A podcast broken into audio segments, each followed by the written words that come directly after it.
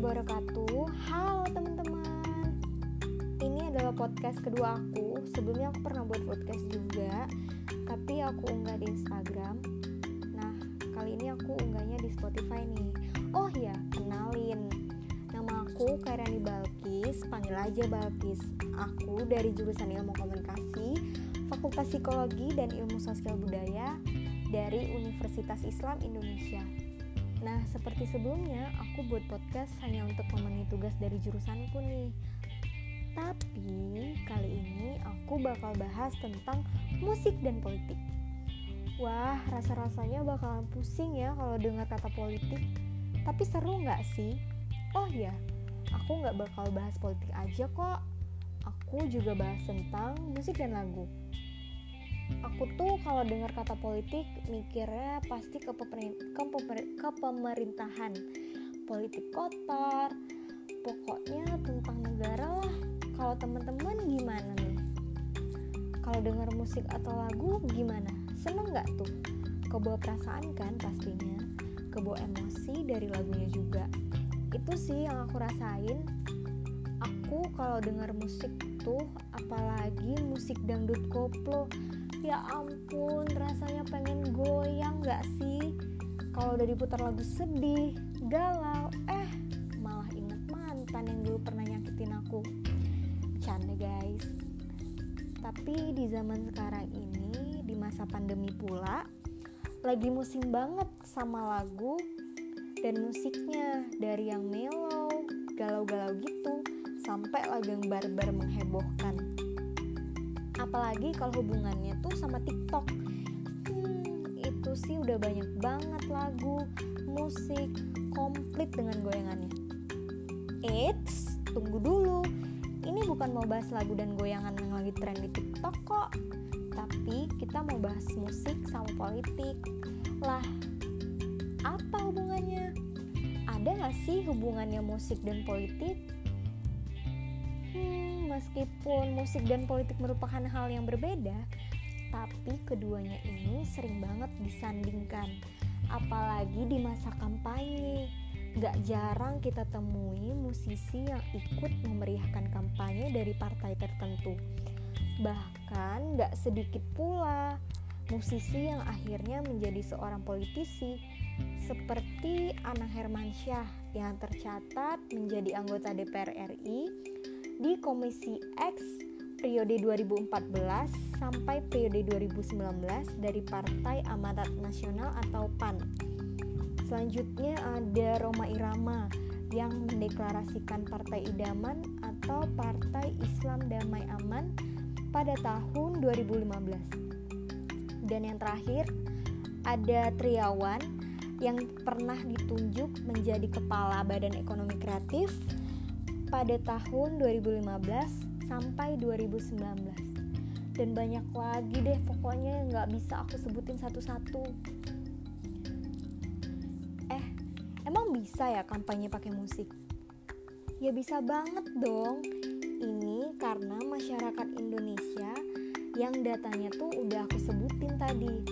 Suka banget dengerin musik apalagi dangdut dan pop gitu udah banyak partai politik di Indonesia yang deketin masyarakat tuh melalui musik um, satu contoh dari aku tuh partai Prindo yang pernah tayang di televisi itu loh. Nah mereka menayangkan iklan politik tentang partainya melalui lagu, melalui lagu Mars Prindo aku juga yakin kalian pasti inget soalnya mudah dihafal dan ceket gitu di kepala Nah, melalui kampanye dengan musik adalah komunikasi politik yang kreatif loh. Dengan musik kita dapat berkomunikasi dengan pendengar atau masyarakat melalui emosi. Emosi tersebut menyampaikan dinamika dan harmoni. Dalam teori komunikasi, hal ini disebut sentik. Merit dalam bukunya Simfoni Otak 39 aktivitas musik yang merangsang IQ, EQ, dan SQ untuk membangkitkan kreativitas dan imajinasi di tahun 2003 mengatakan bahwa sentik dimaknai sebagai komunikasi emosi. emosi ada pada setiap manusia tuh dari sejak lahir dan bisa menjadi penghalang atau pembangun suatu harapan. Tapi itu sih bergantung pada manusia menghadapinya.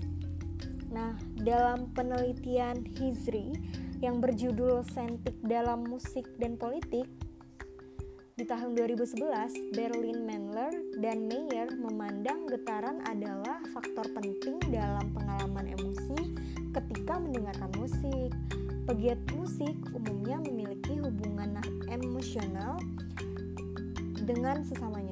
Mereka juga bisa berbagi rasa dan informasi dan menghasilkan sebuah solidaritas, toleransi, dan saling menjaga.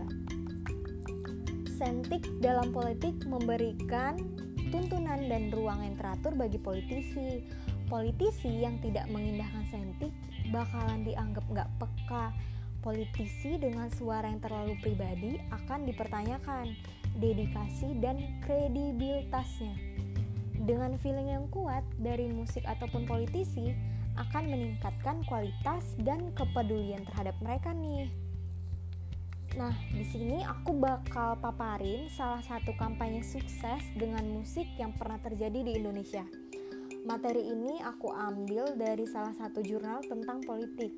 Jurnal ini merupakan hasil penelitian dari Muhammad Rifki Rahman Dwi Putra dengan judul konser Salam Dua Jari sebagai sebuah kampanye politik yaitu analisis simulakra dan analisis wacana kritis sebuah konser besar dan meriah yang dihadiri oleh ratusan musisi ini oleh pelaku ekonomi kreatif untuk mendukung pasangan Jokowi JK. Konser tersebut disebut uh, konser Salam Dua Jari sebagai bentuk dukungan pasangan calon nomor 2 pada Pilpres uh, 2014. Konser itu diadakan pada tanggal 5 Juli 2014 di Stadion Utama Gelora Bung Karno dan dihadiri oleh oleh kurang lebih 100.000 masa. Wah, banyak banget ya. Kerennya lagi, konser ini tuh digelar sukare, sukarela oleh pendukung Jokowi JK loh. Jadi, para musisi dan pelaku ekonomi kreatif yang hadir dan mendukung keberlangsungan acara ini tuh nggak dibayar jadi konser ini mampu menjadi representasi dukungan masyarakat Indonesia kepada Jokowi Jokowi yang akan meningkatkan posisi tawar Jokowi. Kebayang nggak sih 100 ribu masa tuh banyak banget. Selain itu, konser ini juga akan menjelaskan posisi tawar musik dalam konstelasi politik Indonesia, khususnya pada pemilu presiden 2014. Konser Salam Dua Jari ini bukan hanya menjadi kampanye yang meriah, tapi menjadi salah satu konser musik yang terheboh di tahun 2014 loh. Hal ini dilihat dari jumlah penonton yang hadir dan euforia yang tinggi dan juga beberapa aspek lainnya seperti musisi yang hadir dan harga tiket termasuk HTM. Konser ini juga tidak meraut keuntungan sedikit pun. Jadi tuh gratis gitu konsernya. Kampanye yang dilakukan dengan konser musik ini tentu tentunya bukan sebuah kampanye politik aja. Namun sebuah hiburan bagi masyarakat baik secara pendukung maupun tidak karena kita nggak tahu kan yang datang ke konser itu emang pendukung Jokowi JK semua atau cuma cari hiburan aja yang kita tahu, musik adalah hiburan bagi sebagian besar masyarakat. Kampanye ini sukses dilakukan karena berhasil menarik emosi dan persepsi masyarakat untuk mendukung Jokowi JK. Sejumlah artis dan pelaku ekonomi kreatif serta sukarelawan menambahkan citra positif bagi acara ini dan Jokowi hingga pendukungnya acara ini tuh memiliki representasi sikap tulus dan bersih di tengah maraknya politik uang.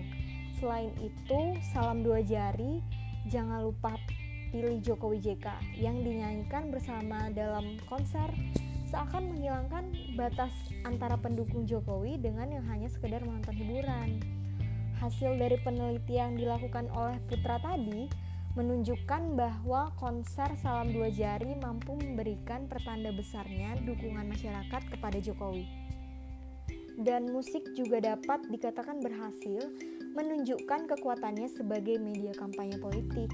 Bahkan konser ini memunculkan banyak pemberitaan positif oleh media dan citra positif bagi Jokowi JK dan pendukungnya. Keren banget gak sih kampanyenya pakai konser besar? ya yang suka sama salah satu artis atau emang suka musik pasti datang kan kalau nggak ada halangan. Eits, tapi di masa pandemi ini udah ada larangan loh dalam melakukan kampanye dengan konser gituan. Itu juga untuk kebaikan kita semua jadi kampanye secara online sekarang dibatasi masa yang hadir dan harus banget mematuhi protokol kesehatan tentunya. Ya kita semua sama-sama berdoa agar COVID-19 ini segera selesai agar kita nggak daring mulu kan. Dengan paparanku tadi udah bisa ditarik benang merah ya kalau musik adalah salah satu komunikasi yang mengandalkan dan bisa jadi dengan musik malah komunikasi yang dilakukan semakin efektif boleh banget tuh kalau mau kampanye atau menyebarkan informasi penyuluhan dan sosialisasi apa saja di mix sama musik.